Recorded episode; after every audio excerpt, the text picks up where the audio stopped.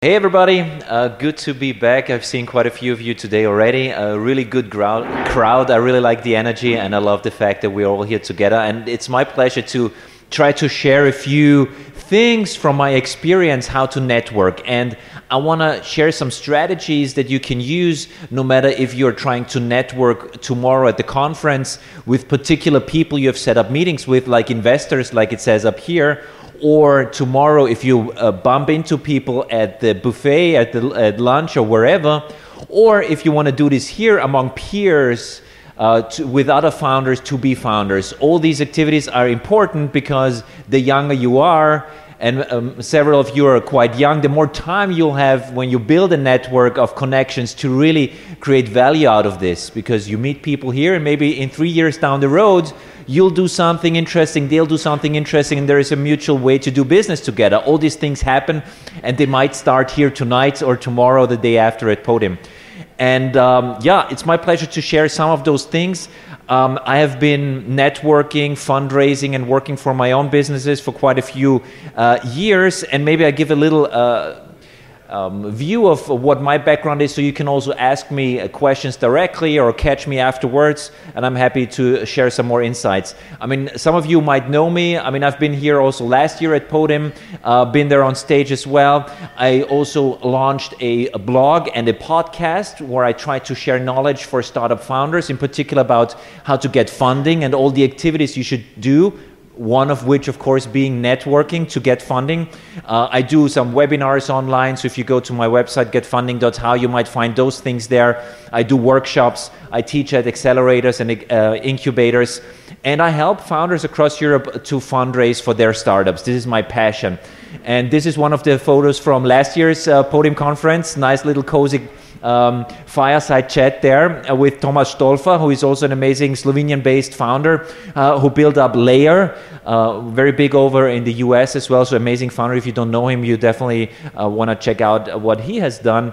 And um, what I want to share here uh, during this presentation is really um, give you some, some ideas of how you can network better by preparing better, being more active at a networking uh, situation like here or tomorrow at the conference, and also very important what you do after you met a new network contact, because that's almost, if not more important than your first initial contact.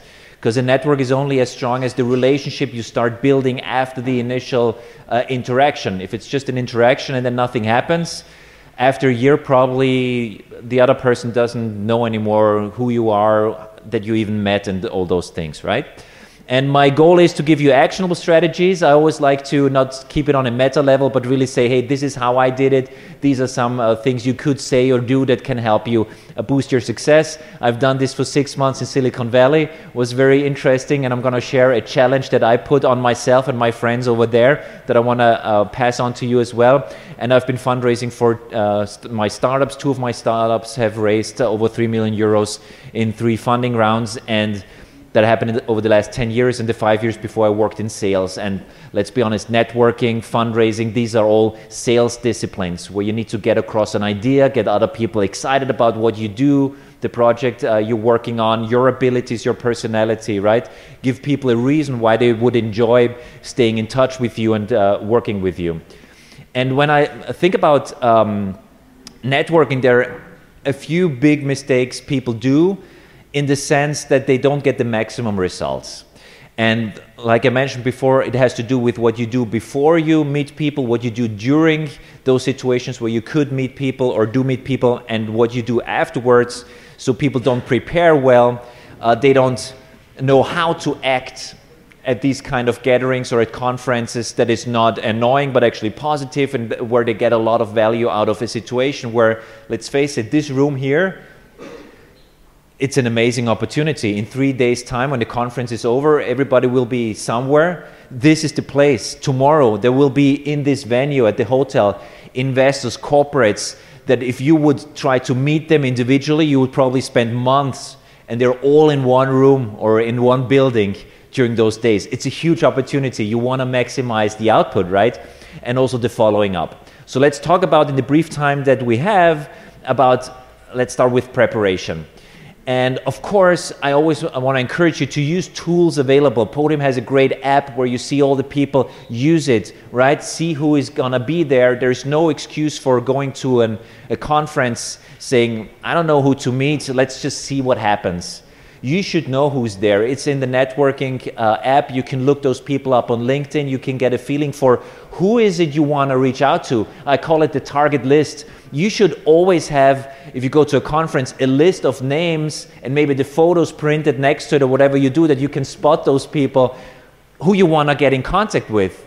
It's in your preparation that you know who those people are and that you can focus your time and energy on actually meeting those people.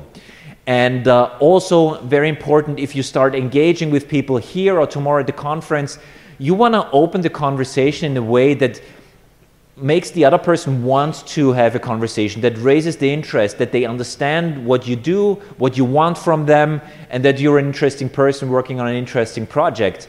So I call this the teaser, a short couple of lines of text that you can throw out there to open a conversation that makes it. Uh, that encourages people or that makes people curious to hear more what you have to say, right? So these things uh, you should have, plus if I, we were talking about really targeted uh, networking and really reaching out to people that you know I want to meet that person. This is a founder who's going to be there tomorrow who built a similar business like mine and he already raised three rounds of funding. I want to meet that person, build a network connection. You should have the why, which is the reason why you want to talk with that person. And here's a little secret if you open a conversation saying, hey, I'm going to call you Steve now because that's the first name that pops to mind. Hey, Steve, uh, so great that we can chat briefly. The reason why I definitely wanted to spend a few minutes with you is you've built a business successfully in a space that we are just getting started. And I'd be so thankful if you could share some of the learnings you gained that could help me be more successful. And I want to share you what we do. Is that okay? This gives the other person a, a validation that, okay, this person is not wasting my time. There's a good reason why he or she wants to talk with me. You show respect that you have done your research and know who that person is, the achievements, and you have a fantastic foundation. You're giving a clear guideline of what you want out of this dialogue. So it, it's going to be a very productive interaction. So having this why is very important. There's no point in approaching an investor saying, um, uh, yeah, uh, I would like some general feedback on my pitch. No, you should know why you actually reached out to that investor. Hey, I know you invested in similar companies. I know you invest in this stage that we're in. I'm curious to get your feedback. If you feel we are funding ready, may I pitch to you the shortest version possible in the next three minutes to get your feedback on this? This is a great why, and this is a fantastic start for interaction where you show to the other person, hey, this is an entrepreneur, this is a business person who knows how these things are supposed to work. They're not boring, they're not wasting time. And these are also the kind of people they want to stay in touch with. They think, okay, I met 50 people today, but there were a handful, you included, hopefully. The interaction was different. It had dynamic, it had a reason why it happened, and I felt it, get, it got a good output. I could really help that person and all these things. And that's a fantastic foundation to build this connection, not just a uh, moment in time where you talked and it's forgotten, but where you build a network. Network is something permanent. And there are some activities in following up that I'm going to share with you that you can then do to keep uh, uh, enforcing this network even further afterwards. So prepare those things. This preparation. If you spend two days at the conference, spend time and money to travel there, maybe buy a ticket, all those things. Please invest the extra one or two days for preparation. Otherwise, you will get maybe 20% of the results you could get. So put the time in. Now, at the event, if you meet people that you set a meeting up for, again, have a great opener. Like I said, use this why. This is just a very fluent um, a smooth way of doing it. Um, but also show that you're in control and uh, taking initiative of this interaction by opening it. You already say, hey, I would like to get this feedback, but I would, of course, I'm going to share where we stand today and let's have a discussion. So be proactive and uh, deliver the right level of information. If you know it's a 10 minute interaction, don't prepare a nine minute pitch because there's no time for actually talking. So have the right level of information and have a clear goal in mind. What do I want to get out of this interaction? Right? This is for your setup um, interactions. But for interactions like here tonight or tomorrow, if you bounce into people uh, that you haven't set up a meeting with, I call these lucky instances. And there is this great story. I don't know who knows the golfer Tiger Woods.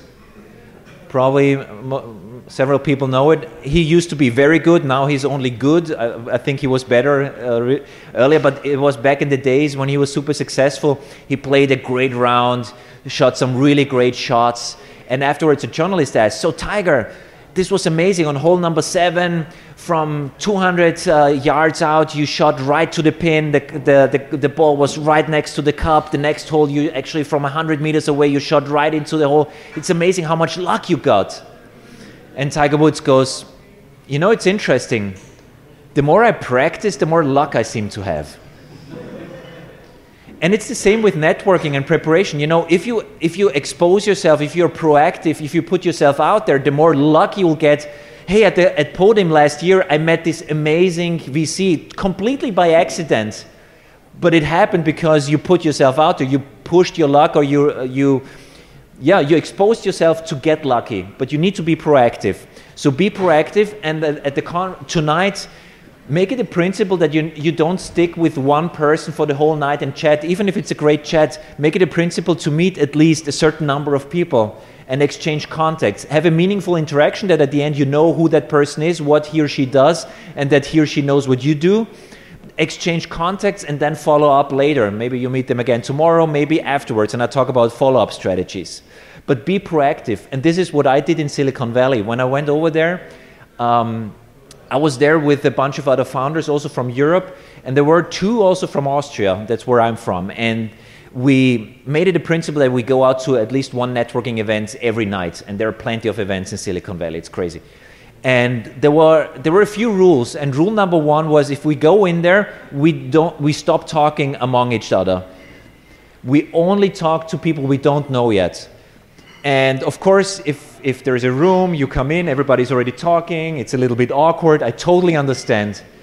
And you normally gravitate towards the people you know, and boom, you're back with your friends you already know. Keep that urge. Try to resist that urge and make it a game that you do not talk to your friends or the people you already know very well or you know from your hometown or whatever.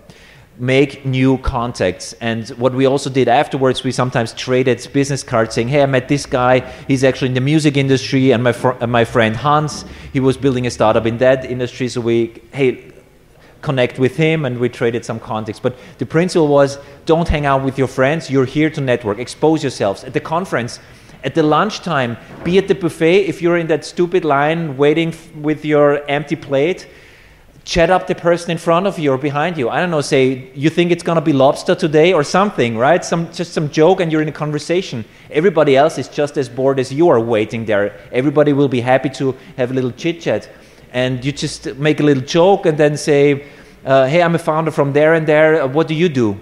and they say, Yeah, I'm actually an investor from Vienna and uh, we invest in this and that kind of thing. What does your startup do? Boom, you're in a conversation, right? So expose yourself. Maybe hop around the lunch tables, these little standing tables, join them, say, Hey, is this uh, place free? Yes, you join them. And uh, when you refresh your plate with some more food, you say, Hey, it was great talking to you. I'll mingle some more and fetch some more food.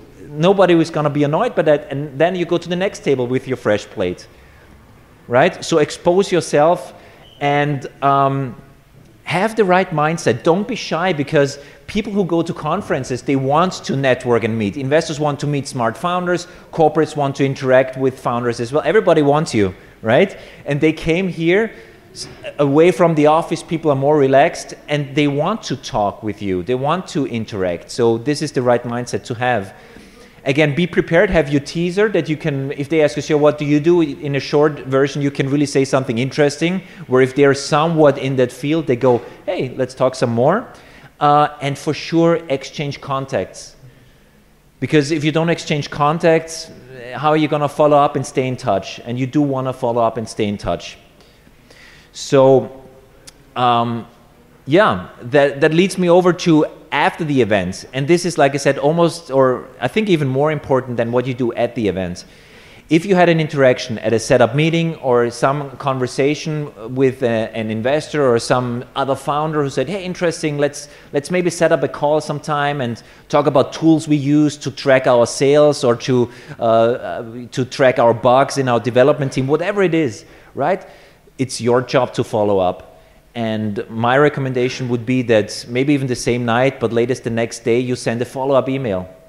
And in that email, you need to make sure that the other person probably had a ton of meetings and maybe they don't 100% recall who you are and what you talked about. So write the email something like, uh, Hey, Joe, uh, was great meeting you yesterday at the lunch buffet. And if you made the joke about the lobster, say, wasn't that a big disappointment? No lobster again this year or mention something where they go, oh yeah, that was that conversation. Or if you met at some awkward spot somewhere in a dark corner, said it was funny when I bounced when we ran into each other at this very dark corner, but I think it was good that we met there anyway. So they, oh yeah, that was that guy, right?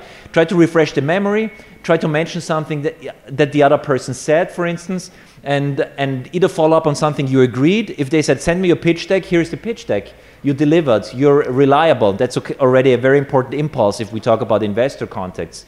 Um, if, we, if you talk about more experienced founders, possible mentors, if they give you some feedback, if you, if you say, hey, thanks, was great that we had this 10 minute conversation right after lunch, um, and what you mentioned about doing more in depth compet, uh, competitor analysis really stuck in my mind, and we will now invest some more time in actually doing that. Thank you so much for your input.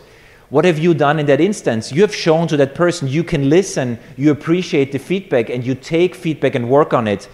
This is a foundation for any mentor mentee relationship. Mentors want to have the feeling that their mentees listen to what they say, reflect upon it. They don't expect that they do everything or um, believe every recommendation or idea or follow every idea, but they love the fact when they see they actually heard what I said and they're looking at it. And then let's say a few weeks later, you can write another email Hey, Bob, um, and you follow up on your own email saying, Hey, at, Podium, where you gave us the feedback, we totally dug into this and we, we have this new competitive landscape now. If you could take a look at this, uh, it really opened some eyes for us. So you, again, came back showing you worked on this, you delivered, you are now asking for more input. So, this is the way you start a relationship, a strong relationship that is part of your networking.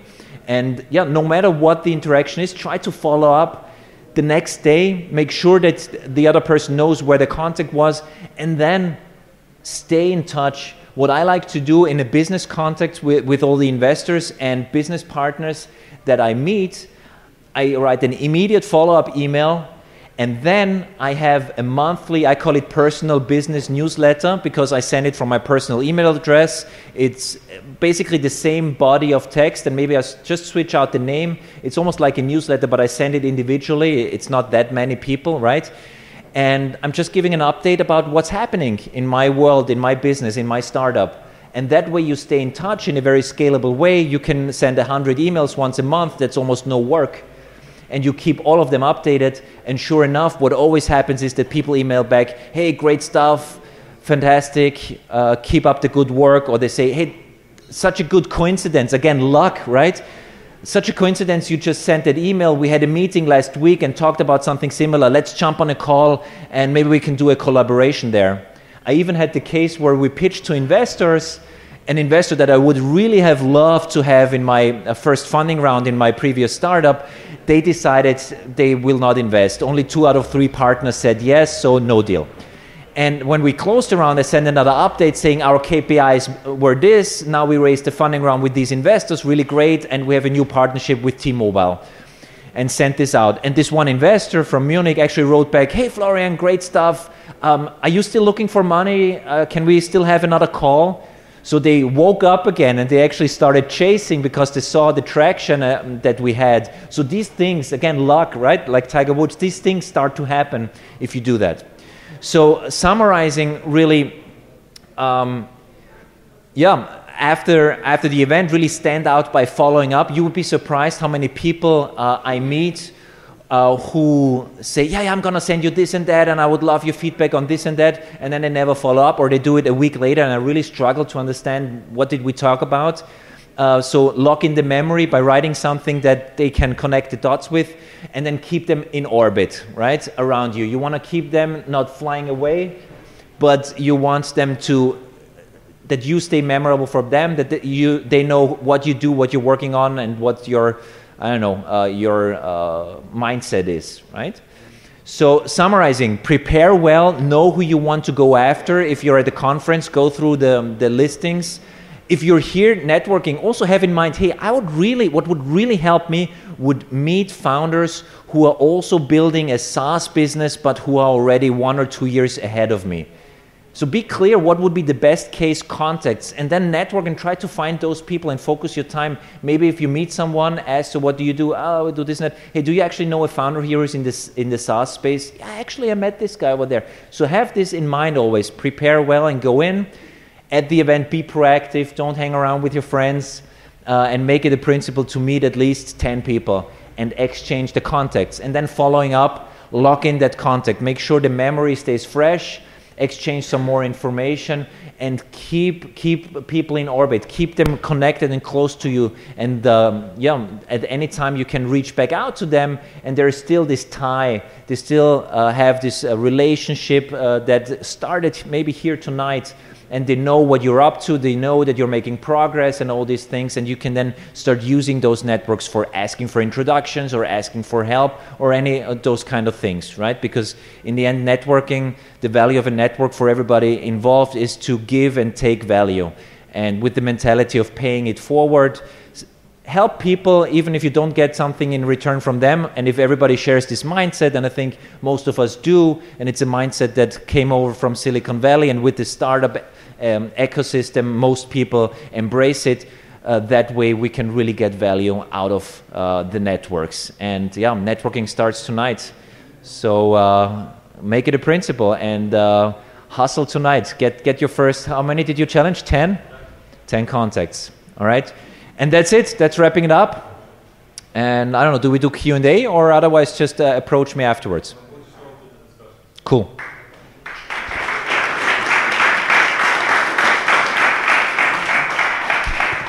All right, thanks to Florian. Uh, now we're going to the, uh, to the discussion part. So I'm inviting Luca to the stage, uh, Alan, and Mitya. Mitya, oh, here. All right. Yeah, big round of applause.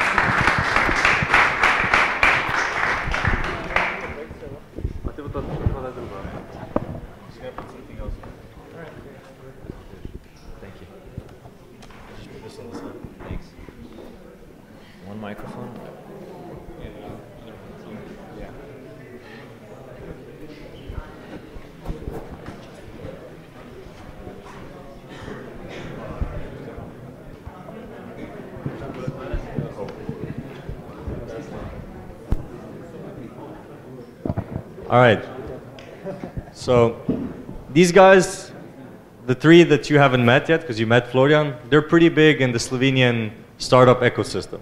So I think in the beginning it'd be good so you get a sense of who they are, what they do, uh, so you just get to know them. So let's start with Alan. Yeah, most of you met me um, today. So my name is Alan. I am a business designer, currently freelancing, living in Germany, doing the business design stuff and also mentoring in the design thinking space.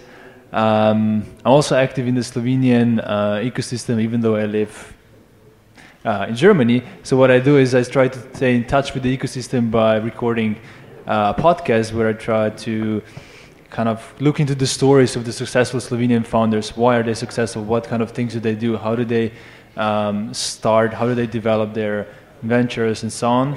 And uh, this is also kind of the kind of how I'm building the network, but more about that later.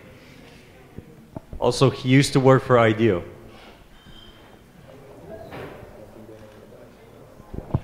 Uh, all right, so my name is Luca, and I'm the CEO of Equaleyes. We are a software development company, and we are based in Maribor and in London. Uh, at the moment, we have a team of 24 people and we are working with like startups across the world. Uh, so our, uh, you know, our path started seven years ago when basically a bunch of students uh, joined together to try to disrupt uh, or to create a startup that would disrupt like the accessibility market. We sort of succeeded, but we definitely got into uh, new ventures, you know, during the next couple of years. So yeah, that's that's that's. We still have really really big goals for the future, and I'm happy to talk about everything today. Uh, also, just before Mitya goes, uh, can people in the back just please uh, stay quiet for a bit because it's really hard to hear? Thank you. Mitya. Uh, okay, thank you. Uh, my name is Mitya Ruzzier. Um, I'm here today um, as a guest in the evening side. Uh, during the day, I was leading the workshop about networking. Uh, basically, I come from the university, uh, but I uh, try to describe my, myself as change the person who has to change uh, the different kind of hats during the day. So sometimes in the morning I used to be a professor, uh, a full professor of entrepreneurship, basically uh, teaching students about innovation, about internationalization.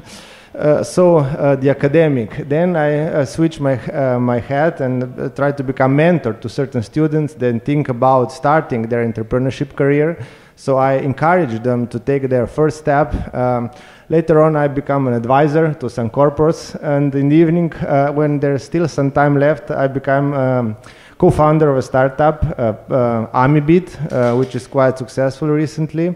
Uh, it's uh, in the energy efficiency sector, so we are growing quite fast, and uh, I enjoy very much changing these different kind of personalities you need to combine and transfer experiences. So uh, depending on the head, you can uh, come to me and ask for different kind of advice of these different areas.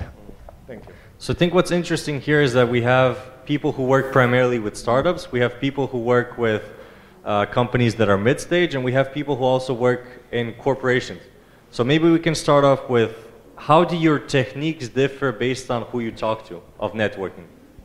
So mm-hmm. I can imagine that for you, it changes quite a lot if you talk to corporates or startups. Uh, yes, definitely. When you start uh, with corporates, definitely you have to, let's say, to a certain level to come to the really core issue because they have, of course, really uh, little time to uh, to listen to you. You have to be um, really deliver the, the, the top advice they need, but at the same know to speak their language because you have to speak a different kind of language even in transmitting very similar information so speaking to a vice president of a corporation it's a different kind of expression different kind of uh, networking on a different uh, let's say, um, spots you, you, you, approach them. Then when you deal with, uh, let's say, conf- uh, co-founders or startup people, it's another word. You have to, and you need to learn the language. It's not, it's the language in between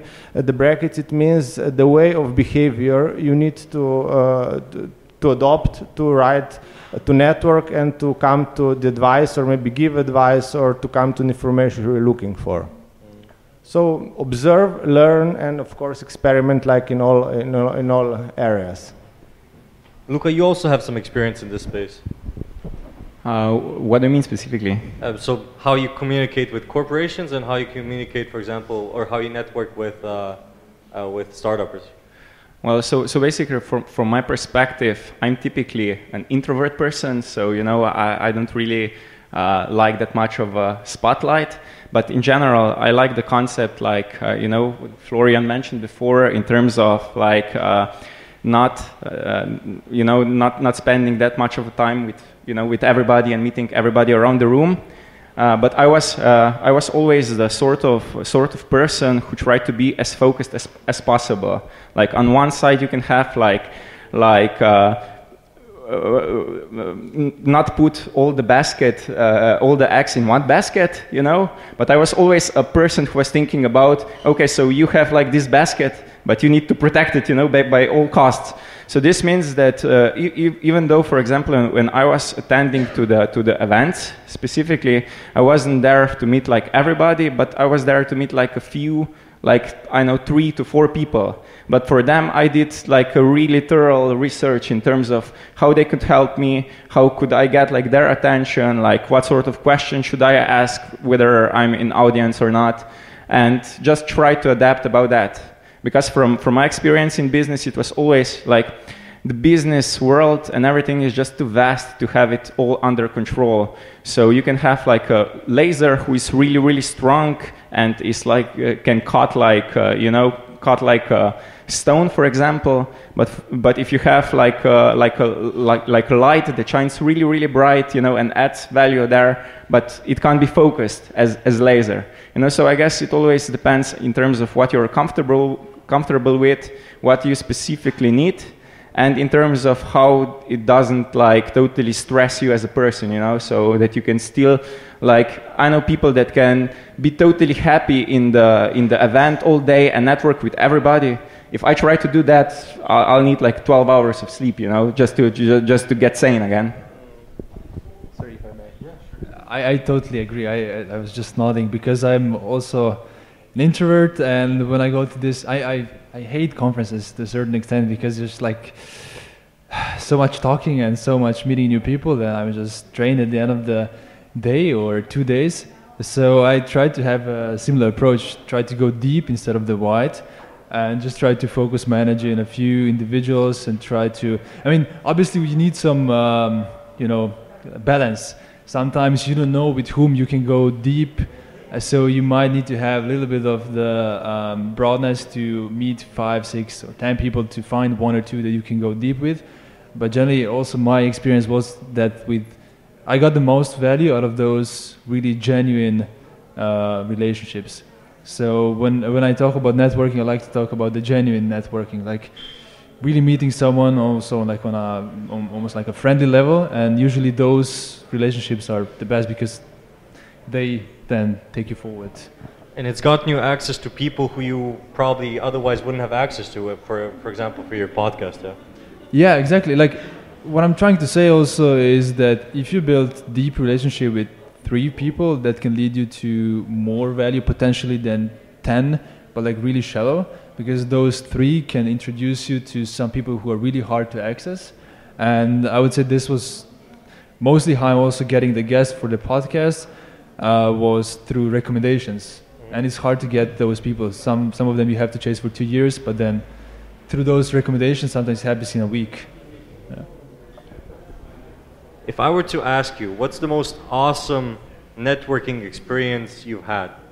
What would your answers be? Like it can be the, the best story, the one that it had, the one that had the best outcome, or the most added value.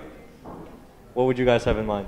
I would definitely recall a couple of nights in Silicon Valley because for me i was i first didn't understand what the hell was going on because everybody was so on their game. You would meet somebody so what do you do? This this or you do this and that. Instantly people know okay is there any match? I mean are we is that remotely relevant for any one of us? If not they say hey okay it was really great meeting you. Let's be in touch uh, and you move on. And nobody's annoyed by that. It's just going on. And the mindset over there is also sometimes you meet someone and yeah um, i built this uh, mobile first travel platform. Oh we're in biotech but i know a guy who is in travel. I'll do an introduction for you. So people were very quick uh, in offering those intros and at first it took me a few weeks to really realize first i thought okay maybe i'm like the, the stupid european and they try to extract money from me so they recommend and then they come with some consulting contract. But no they were really open paying it forward were curious. And and those uh, um, instances over there where it was just so quick uh, interaction. Okay, seems interesting. Let's do some more. Let's meet for coffee tomorrow. But here I want to meet more people to see where is a match, and then I do the deeper conversation next day and meet for coffee. And this does not happen like this over here in Europe. But I, I try to bring a little bit of the spirit over here.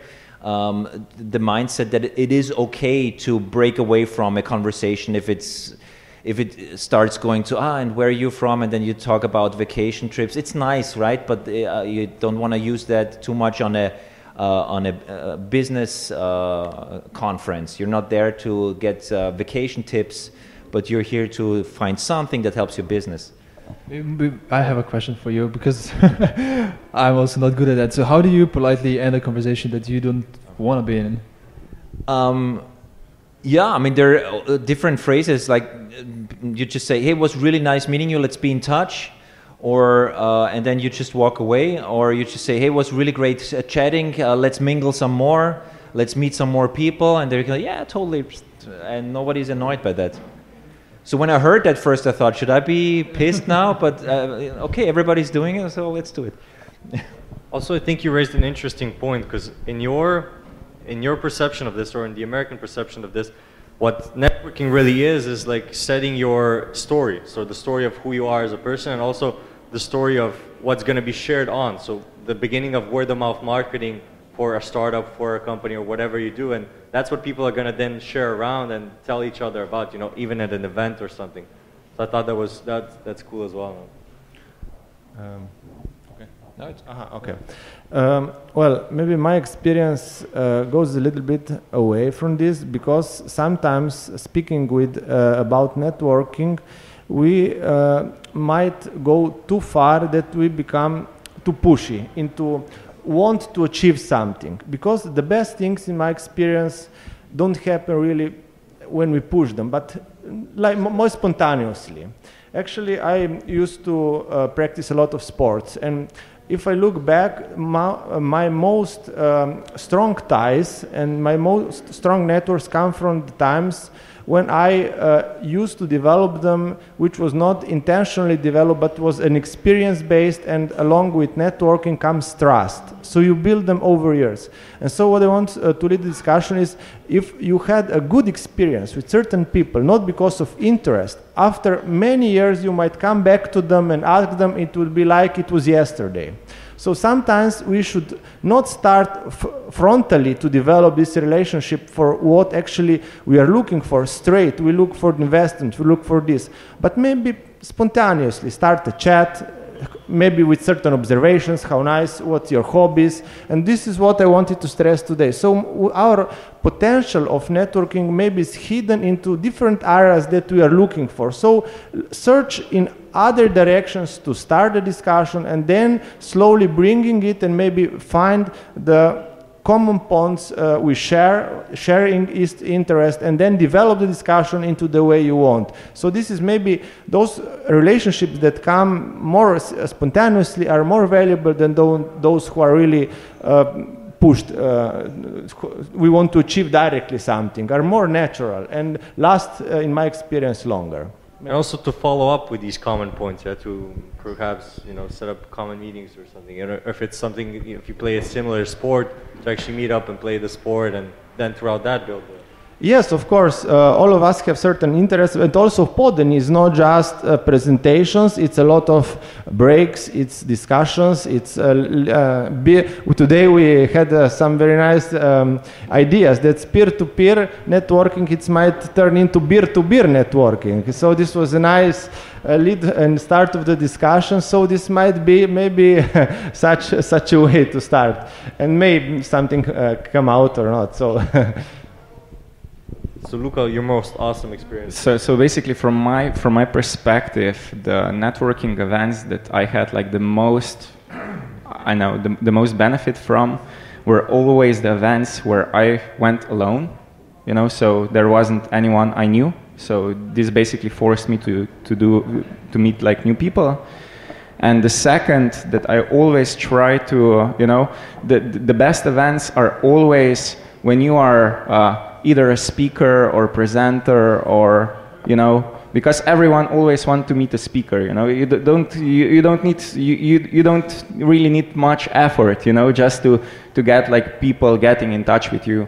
So this is from my perspective it was always a way in terms of okay what what what uh, how, how can i provide value to this event? You know how can i meet the organizers? And how how can i you know how, how can i basically see who'll be there in a way, you know, and how to, you know, obviously the, uh, it's really, really good that event is relevant and, you know, you like the topic, and again, that it forces you out of your comfort zone, which, you know, I, I'm kind of used to already in a way. okay. So just one quick follow-up on this. Uh, one good tip I heard, I never used it, but maybe you can. It's uh, like you said, everybody wants to talk to speakers, and like everybody goes to them after the talk, and then there is usually the host who is like alone, and that host actually knows that guy better than anyone else, and not just that guy, but like all the other guys that you want to talk to, and they are just like standing there. So you you go and talk to the host. They are usually kind of the the one who know everybody in the event and can introduce you to people you want to know. So um, Simon expects of people Yeah. today. Hit me up. So my um, most awesome experience, which also talks about me being more the introvert and, and networking in this way, is uh, I think it was 2010. I was still a student in Ljubljana, and um, was back in time when the entrepreneurship was not that popular. Um, and I found like a few friends who were also interested in entrepreneurship. And mind you, this was before you were you called uh, a startup a startup. It was a company, and we were just all kind of trying to do some things on Alibaba and some stuff. And uh, we decided, okay, maybe we should just meet like once per week. So we had this hidden entrepreneur uh, club, and it was like ten of us. And every Tuesday we met in one room, and we had to we had to go around some rules to get that room and to be uh, to have it like in the faculty actually in the university. Uh, but it was really awesome. So I still keep in touch with 80% of those guys, and some of them are also coming to my wedding. So I think it's really kind of the it really kind of created the bond because it was like every week and you know we shared it was like in the yeah i think that's that's kind of it I think that's similar to what Mitya said. You know, you build common interests and then move the relationship really deep because of those meetings. Exactly. Yeah. Yeah, maybe I can share a few more uh, n- uh, networking hacks. Because uh, what you just uh, mentioned uh, triggered a, a, a memory of mine. Um, when I got more and more experienced, and by far I'm not the most experienced person at all, but uh, of course it gets more uh, tougher and tougher to meet people you can learn from the more experience you have, right?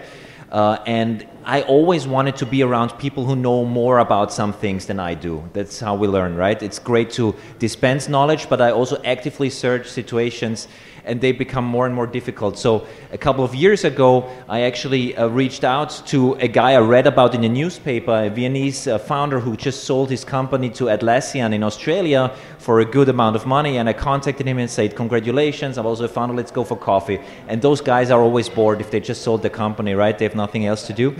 And uh, to get my agenda was to get together with him and find another gr- group of people that have more experience in building businesses than me. And we started, I think now we call each other uh, the group the Experienced Founders Club, which I don't think is a very sexy term. But the idea was, and I we strategized together. He loved the idea, and we said, okay, let's let's set the rules.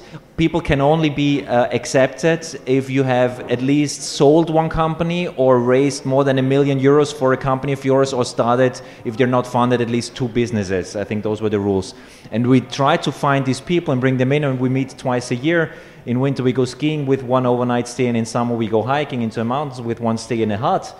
And it uh, gets us out of the city, away from everything, and uh, we have really interesting conversations, all kinds of stuff. But I really build my own community proactively with again an agenda uh, not to make new friends but to of course make friends but such friends that also help me in business so that was the primary target but of course i don't want to hang around with idiots or ass but uh, people i can become friends with but the agenda was this and one other thing i think which is a fantastic because you said speaker fantastic hack for your networking is if you and I always recommend this to any founder. If you have a startup in any specific area, industry, topic, create your own meetup. Go to meetup.com, and if you're in chatbots and there's already a chatbot group, then create chatbots in the financial industry or whatever your sub market is. The, the, the idea is that it's your community and that you are the host and that you have uh, people who see you on stage and every time you introduce yourself and the idea of this meetup you can pitch your idea. You infect more people with what you do. And then if there is a good community you can create a panel discussion right? So then you reach out to a VC who invests in chatbots in the fintech, and you don't reach out, I need your money, or let's meet, I want to pitch to you. you say, hey, I'm having this community of people who are building businesses or interested in this space. Would you be willing to join our next month's panel? I'm also going to invite someone from the industry, and one speaker will be from a very established startup. And those three people I will meet on eye level as peers who are interested in the topic, but you can be sure that this VC will ask me, so let's have coffee sometime and tell me what you're working on, and then you can play it cool. Yeah, we're not fundraising. No, yeah, but tell us, we would be really interested. Because for them, uh, it's hunting instinct. They see there is a founder who gets a community together, who, who is there on stage, who can attract people, which is important as a founder if you want to attract investors, business partners, employees, whatever.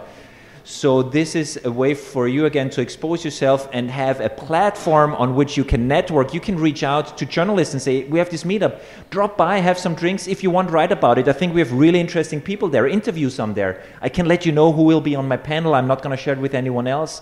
You can reach out to corporates who maybe you want them to buy you in five years, or this might be your breakthrough number one client. Whatever. You, you ping the CEO and say, "Join us." We have this VC already joining, we have this guy. So creating these platforms that you can use to reach out to people on eye level is super powerful. I think that's really interesting that goes over a lot of people's heads is what you just said is that successful networking is really building communities. So it's that actually you build meaningful exchanges and it, it might be a community of five people, as for example in Alan's case was, or it even might be a community of let's say 200 people but it's just building meaningful meaningful relationships through these common interests like Mitya said and yeah I think that's very cool um, I have a um, a thought maybe to share. I remember from the times I uh, read this uh, when I prepared my PhD it was also about a social capital of entrepreneurs and I read it in a um, scientific article, and it, it was about uh, networks of German companies. Actually, at a certain point it, in a German economy, they were very much, uh, let's say, trustful within them, within these companies. And uh, the idea was, uh, it was like this, the quote goes, uh, networks that uh, bind may turn into networks that blind okay so it's not uh, just the positive effect to accumulate and be stick to the uh, let's say very um, established relationship we have because this might turn uh, to uh, decrease our efficiency and we are not open to new opportunities to new start because actually startups bring new ideas new opportunities new solutions new products. And if we stick really within this network of trust and relationship we build with certain companies because networking is not just personal uh, but also organizational wise so we must stay still open to new opportunities so that even ourselves let's say prove that the products or sources sourcing we do must, must be efficient. So keep an eye open also to the other opportunities would be the advice on this place so about networks and the trust uh, that is uh, binded in these networks. So it's not just that we stay in a bubble, for example, and we actually look out of it. Yeah, yeah we must uh, somehow uh, even uh, look outside this network just to prove they are still on the right place and functioning as they should. It's like a reality check. Yeah. and it's also really important to to learn or to be aware that this is a, that we are playing a long time game you know? So it's not like this will happen or you know someone will give you like i know insane amount of money just a one week when you met. Obviously this can happen in a way but it's still if you're building a community and if you're building your basically brand this lasts like three plus years you know? So what you are doing basically today basically you are laying out the foundations for you know how li- your life will be in like three years from now you know? And those if, if and one thing from my perspective uh, what i think is really really important is that you be consistent. And that you you know you follow up and be consistent and you you know you you attend events. And when people see you you know from uh, like uh, at specific events for you know a number amount of times it gets like familiar. It gets close to like familiarity.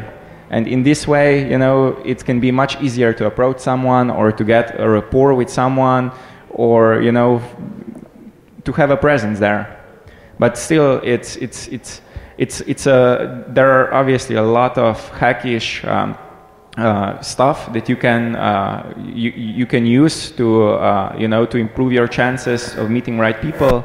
For example, like learning the names and the faces, which is really really important. If you have a group of people and you know the name of everybody, everybody will sort of like like remember you you know as a as a as a competent person. But in general, this is a long time game that we all are playing in terms of building relationship and community. Now, Florian's already mentioned some, and you just started this topic as well. But what, how do you guys follow up? So Florian you already mentioned it. Alan, for example, you meet these superstar guys that otherwise you wouldn't be able to. Do you keep in touch with them? What do you do to keep in touch? For the podcast, you mean? For, or anything else, you know. So the first thing that comes to mind is this no, podcast. So, um, like I mentioned earlier, when I get to meet them, you send, you gotta kind of get the sense of their energy. Do they actually want to uh, talk to you? Are they interested in you, or they just trying to you know get an interview and then get it done? Now specifically talking about the podcast, right? Sometimes it's just yeah, get in for 60 to 90 minutes and then it's out. But with some other people, you can sense that they are also interested in you, and in that cases, then I definitely follow up. But it's not you know that I have a spreadsheet saying in three weeks I need to follow up with them or anything like that. It's more just the sense of uh, oh, there's something interesting that I can send to him. Um, you know, sometimes it's just like on Facebook Messenger. Sometimes it's an email. It's it's really very organic on my side. Um, so this is in terms of following up after the podcast. Now, following up after networking event or something like that, I think that's a must. Like Florian was saying, like if you meet someone and you say you're gonna do something, you definitely have to follow right away, send that document or whatever you wanna do. But does that mean, because you mentioned Facebook Messenger and whatever, does that mean when you meet someone, you add them on LinkedIn, and then the next thing you do is you add them on Facebook, so you can also comment under their private pictures, you know, create a community, I mean, a relationship like that, or? Yeah, I think you, you, you have to distinguish between Facebook and LinkedIn. Get the sense if you can add someone on Facebook or on LinkedIn. Uh, I would I would I don't add everyone I talk to on Facebook, but I would add most of them on LinkedIn.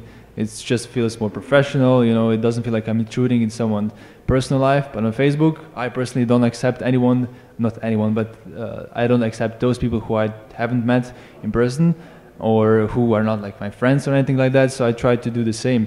So I think different platforms have different rules that I try to follow. So you know someone's very deep connection when you add them on Facebook. Yeah, yeah. but sometimes even after 60 or I mean, it's not like it depends on the. Um, you know, sometimes with just after 60 or 90 minute conversation, it's already enough if you feel like you went into those topics. But for, if, if you just talked about business and stuff, then maybe you still keep it on LinkedIn. What about you, Luca? How do you follow up? Well, obviously, you know, with uh, I still try to have like pretty limited number of connections in a way, but I try to follow up with like whenever I'm in London, I try to like meet all the relevant people in person for a coffee, you know, uh, which obviously that's it's, it's hard to do en masse in this area, uh, but uh, just to be uh, to, to like uh, uh, keep awareness about you know our relationships I usually like uh, see what they are. I, I, follow their social media in a way. You know, if there is something exciting happening in their life, I congratulate them. You know, or provide suggestions. But obviously, like for for people that I think it's like important to get in touch, it's it, it, it's usually better to to to to, to have in person especially in terms of the, the, the people that you are business, uh, uh, having like a business relationship and you know that you know you'll continue to do business relationships with them.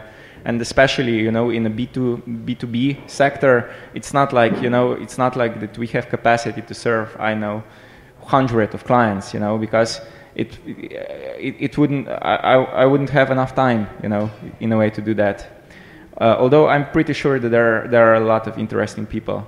I do have like um, for every event that I, I go, uh, I have um, a LinkedIn app uh, but a premium version, uh, like uh, it's called Sales Navigator, and I can just put tags on it, for example, for you know if, if I'm aware who'll be there, just to see what's what's happening and the name and the face and everything. And I also use like a couple of tools, uh, like uh, Gmail plugins uh, that similar gives me an update in terms of what happened with what, what significantly happened in a person's, you know, business account, which is data basically pulled from LinkedIn. What sort of plugin is that you you recall? Uh, I, I can give you a specific name. I, am not totally sure uh, the, na- the, uh, the, name, but I can I can I can show you for, uh, later on. But it's a Gmail plugin. Basically, whenever you are writing to someone, it, there is like a pop-up box that says basically, okay, so this happened. Like this is like last few months of you know of LinkedIn statuses for for this specific person. So this basically makes wh- whatever message I'm writing, it makes it a bit content aware. If you know what I mean. More, yeah. yeah. Uh, Mitya, what about you? What are your sort of follow-up techniques, especially in this sense towards corporations, because you work a lot with them. Okay, first I think it's very important uh, that if we promise something that we're gonna do, either to call them, to send them something, to make a follow-up, to make an email, to do it. If we don't do it, we finished. Probably uh, no relationship will evolve from this. Okay, there will be no reply if we do. If we promise to do it in a week, or let's say in two weeks and we send it after three months, probably there will be no reply, okay? This shows our relationship and our seriosity toward the relationship we want to establish. But uh, maybe just to share an experience, I came uh, from US for a conference. I spoke for, I think, uh, with more than 20 startups and I gave my visit cards uh, to them. And I was just wondering how many uh, will contact me. And I make just yeah, it was one actually. I made a research, let's say, just uh, and observing my sale, what are my reactions to the ones that. So after a week, I forgot almost all their names, and after two weeks, uh, I felt like it was be uh, like it was one year ago this conference. Okay, because so many things happen so fast, they evolve, and it was just one startup that came back to me, and I like. Um, uh, uh, the idea of uh, making something special to recall who they were. Because actually, when they wrote me an email, I didn't remember exactly who they were. But then uh, they gave me something uh, for home, just a small present to recall, and they uh, followed up on that present they gave me to recall who they were. So this maybe it depends a little bit, but of course, as I said, you need to learn the language of the target, uh, let's say, person you want to approach. So if it's corporate, it's a different that just giving certain T-shirt or something. So it's a different kind of approach you have to you have to do to, to maybe follow up. But I'm a, I'm a bit a little bit of the old style, so personal relation uh, or maybe a call or a coffee it's more familiar than maybe a lot of apps that uh, are used to, to, to communicate and uh, maintain the relationship. Okay, I accept relationship on LinkedIn and so on, but okay, I do not work on them to, to establish uh, that much.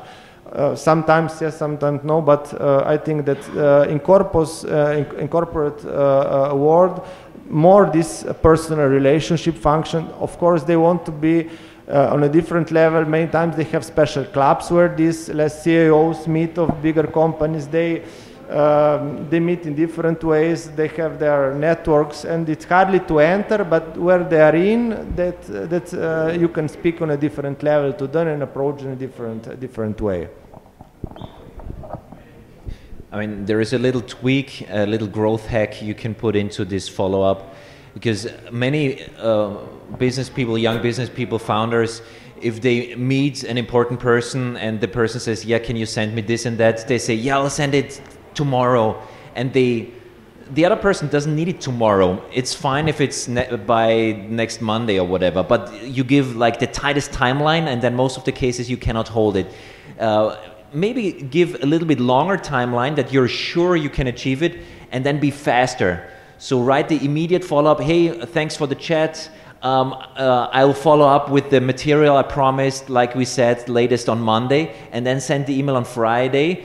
Take your same email again, click forward so that the thread is there. where you said Monday and then said, hey, I, um, here it is already today. So you overachieved your goal. It's a tiny impulse, but again, it's, it's, it's one where you even over deliver what you promised. And it might subconsciously or consciously go, go, uh, go a long way. There's, there's one other thing I just uh, implemented for myself because I don't know if, if you know this, you probably all had these kind of situations where you met with someone you already knew for a coffee and within uh, 30 45 minutes meeting afterwards you have like five or six to do's of things you could do and follow up and intros you get and things you should send uh, that person to help him or her a lot of stuff happening and every time i had these meetings i thought i need to meet more of my people in my network because every time there's cool stuff coming out of this but i don't have the time for it so what I created was a list of names where I know we know each other already, we do similar things, or there's some overlap where every time I get the feeling there's probably, if I shake the tree, something will fall out, right? And I reached out to all of them and I set up in my calendar uh, three half days in one week. And there are tools where you can open up your calendar and they can just book time slots. And I opened up 15 minute time slots and sent out emails to I don't know 40 people or something or 30 and in one week I had a lot of 15 minute calls and the, the how I reached out to them was hey long time since we spoke a lot of stuff has happened I've started a couple new projects I'm sure a lot of stuff has happened on your end as well let's do a mutual update here's the link and I had these quick, quick, quick calls. People appreciate it because it's just 15 minutes in between. They don't need to go anywhere. And this week was, I mean, I had to take a lot of notes because after a day of, I don't know, eight back to back to back to back to back to back calls, you don't recall anything. You have to have good notes. But it was super productive. So, and my goal is to do these every three to six months. I'm, I'm probably going to fine tune this. Some people probably I can shake the tree every three months and cool stuff will happen. Some people I don't need to meet that often, but I'm, I'm uh, trying this and this worked fantastically. People signed up for it. It seems they appreciated it, that it's time boxed. It was great. That's interesting. So um, this just reminds me something to build on that. Um, when you work on your product or whatever, right, you have kind of two different schedules. One is the maker schedule, one is the manager schedule. When you're in the maker schedule, um, you kind of need longer times to get into deep work to actually produce something, and that's the time when you don't need uh, interruptions. And when you're in the manager schedule, right, this is people who basically their day is full just of meetings, like one meeting after another, like 15 minutes or one hour, or whatever and what, what helps to me is to separate days when I am in the maker um, zone, and then usually the Friday for me is the manager zone where I do all the admin stuff and where I try to meet with someone uh, currently in Berlin who I want to get to know. So the four days I kind of I try to not meet anyone. Uh, just do the deep work just for lunch, meeting someone, and then the Friday is kind of the day where I go out and try to meet people. So this is maybe a tool or a tactic you can use after the event, because the event itself is this manager schedule where you can just put it all in that two days. I'll just add uh, this to that. Um, we started a company after we won like a student competition, and we were all around the, the, the place you know every like we had like a bunch of interviews and everything. And eventually got uh, to london in Wayra. Wayra is like a business accelerator from telefonica. They invested in us but at the same time they sort of like prepared like mentoring and you know uh, meeting different people and everything. So basically like for first month that we've been there, there were just like mentors, mentors, mentors, mentors, mentors, uh, you know, uh, interviewers, then again mentors and people and everything. So we honestly couldn't, you know, couldn't work. You know, we were there because we've built some something really. We wanted to build something really, really cool, but there was so much distraction and so much networking that you know it didn't really make sense. So we sort of like locked everything down for like two months and just really focused on the product, you know, and we didn't go to any events and meet any new people. And this was great, you know. And once we've got to the, to the, to the place where we, we actually had something to show, you know, then we started like, you know, like showing ourselves again, you know, more, more in this event. So sometimes if you want to be a productive or if you want for your product to succeed, the best thing is to not network, but actually to work on your product, you know? So it, it always, I guess, depends in terms of what you want to achieve. Because networking for the sake of networking, this doesn't make sense in the end, unless you, you know, you have like something concrete in a way. Um, yes, uh, networking is very close to the word not working, okay? Uh, Yes, uh, because sometimes uh, some employees, especially in the sales day, we were not networking. And this what comes to you you are not working actually. So uh, the productivity issue comes here um, very uh, very fast uh, in the forefront. So how effective is your is your networking? And if you did it uh, with a certain aim and what were you looking for? Or it was just a kind of fun speaking with people having uh, discussions about sports about you know many things in the life or it was very intentional networking to achieve certain goals. Okay, we must be uh, we must be here. Um, we must take care uh, what actually our time because time is very precious, especially in the startup uh, period when you have so many things to do and you need uh, to be focused. You need to be focused to achieve, especially having good product and then intentionally go to events, maybe thematic oriented or uh, searching for capital or searching for talents or maybe meeting similar startups. So there are different kind of periods that uh, it was already said. And be careful really that this um, networking does not turn into not working. Uh, All right. So at this point, we're opening up to more questions from you guys. I hope there's a lot of questions. So who's going to ask the first question?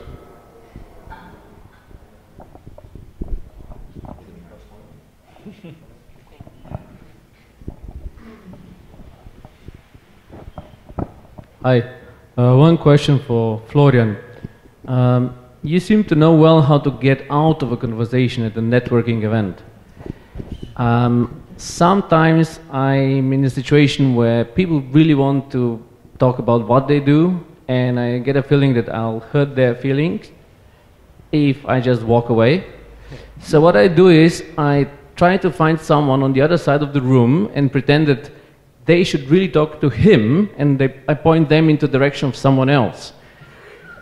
And I'm just wondering, do you think that's a good strategy? And if I do it to you during PODIM, would you be angry?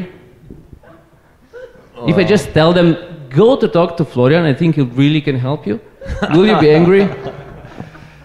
no, I, uh, well, I would assume, uh, first of all, that it's a well intended introduction, so I would give it the, the benefit of the doubt. But you're getting out of conversations, yeah. But I have another networking tip right there for you, and I was curious to see the first person who asked a question. If you ask a question in such a setting, here is what I rec- would recommend you do. Uh, if you get the microphone, I would say, "Hey, I'm Steve. I'm a founder uh, of company XYZ, and we do this, this, and this. And my question is the following." and you have already created visibility for yourself and the opportunity for everybody around here who is maybe somewhat relevant, vice versa, relevant for you, uh, each other, that they can approach you afterwards. And people rarely do it. And if they do it, they say, "Hi, my name is Frank Hal, my star is Oman, and my question is like, what, what, what's the company? Who is the guy?" Really take your time. Um, if you have a complicated name of your company, even spell it, I don't care. And it's even a great hack, and I would love to see that, that some of you do it tomorrow at the conference. If the room is full and there are investors and everything, and there is some panel going on and the Q&A, grab the microphone, and the question is really irrelevant. The only reason why you want the microphone is that you even stand up and say, Hi, my name is Steve. I'm a, the founder of blah, blah, blah, and we do this, this, and this and I have a question for Florian. And you don't even care what the question is. But now, investors who want to meet founders in that space, boom, they're gonna uh, uh, walk up to you, and that's why you get up and turn a little bit, right? Everybody can see your face. That's a growth hack for making it possible for people to network with you and approach you. Hey, I saw you there in the panel. I'm also in this space. Boom, there you go, right? Uh, so, just another trick there. Any other questions?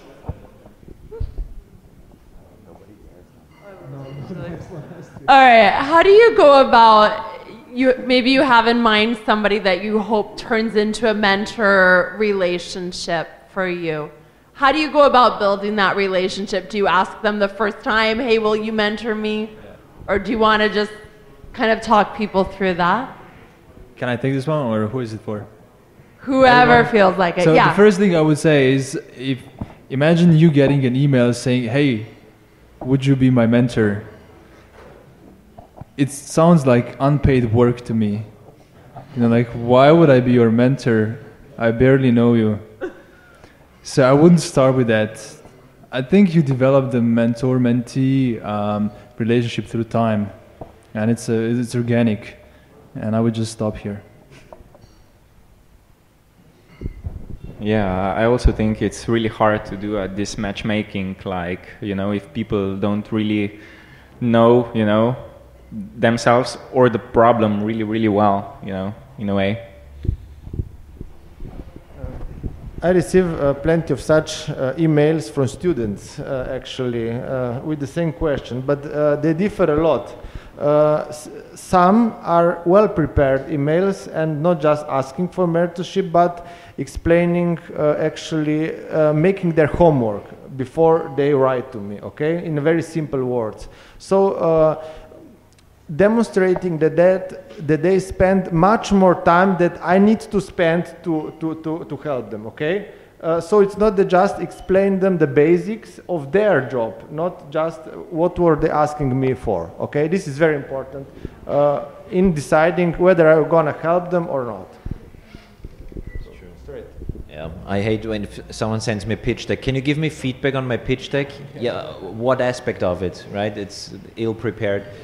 But I mean, the younger you are, the more power you have, the more chances you have getting into a mentor mentee, as a mentee into a relationship. Because I feel when I was younger, I totally underestimated my the power that came just from being young and energized and curious and. Uh, just that older people that could have been 40 years old people at that time they were old guys um, that they just see themselves in me somehow or something. So don't underestimate the power of your youth. If you come well prepared ask some uh, clear questions. Like i explained before maybe have some why you reached out to that person and then just build follow up show that you listened all these things. That's how i fall in love with founders who then i spend a lot of time with helping because i see they listen they process this they appreciate this uh, so they give me here and there a little compliment. I like that too right? So just how humans interact you know this give and take. And uh, i wouldn't ask them for being a mentor why would you ask? I mean, you should only ask if you want to use their photo on your slide deck. Then I think you should ask. Otherwise, it's it's you don't do that. But before that, I don't care if if it's a formal thing. If they spend time with me, that that's all I need as a founder, right? And uh, yeah.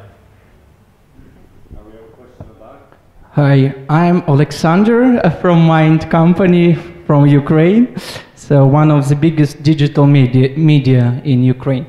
So my question to uh, dear colleagues is following: If it's okay during networking uh, to to be in such situation as I am, for example, I'm co-founder of, of Mind, and I presented Mind to investors and to speakers, colleagues.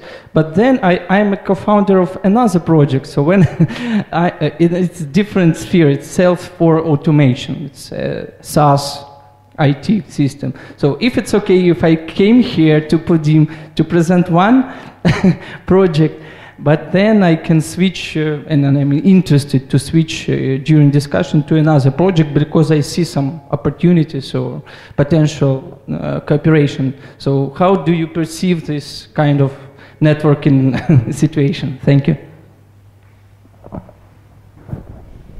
Well, uh, from my perspective, this is a bit of a tricky situation where you need to be ha- careful, you know, how you present yourself. If you are searching for investor for one specific project, you know, for, for your startup, i- a- and you mention to him like, okay, so this is what we do, but at the same time i'm also a founder of another project this this won't really look that serious and you will drastically like reduce the chances of you getting founded so i guess it's up to you you know how how, how to disclose that. Obviously you have like founders capable of running several different companies at once, but the chance, you know, that investor will trust you based on the first the first you know appearance and you know just discussion it will become much more harder. So if i were you i would focus on one thing specifically and try to really learn like like how to present this well and possibly know you know with whom you're talking talking talking about. And i would try to avoid basically using like other topic at all you know because it's, it just adds distraction to the to the to the to the mix. Uh, yes, I think that what investors actually, especially in the early stages, look is commitment. And if you, in speaking in 10 minutes, mention that you are engaged in free startups, I would ask you, well, uh, actually, what, uh, what is your commitment to which you are actually dedicated? Where you are, because you have to be passionate about your idea. So you, you are hardly passionate about free startups, okay? You could be one, maybe, maybe two, but it's better to leave it for tomorrow's meeting. But if you have plenty of projects, then it's hardly to demonstrate your commitment, what I would look for if I would be an investor, especially in the early stage.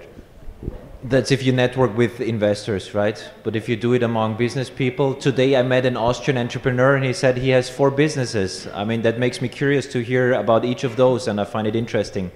Uh, and so if you network among peers and you just switch and say, hey, I have another business actually, and maybe we can uh, have some common grounds there. Let me tell you about that. I don't see any issue. But with investors, it's a good point. Yeah, yeah if you're talking to investors, it might be better if you if you have two co-founders. One co-founder takes one project, the other co-founder talks about the other project, and you just make it like that. Yeah? And you each talk about the specific project, and that's it. And you won't have this trouble. Uh, any other questions? All right, so I'm sure this means that you're going to ask a lot of questions during the networking part. Um, so I'd like to thank our panel guests. I think it was a very uh, quality discussion. And um, yeah, give a big round of applause to these guys here.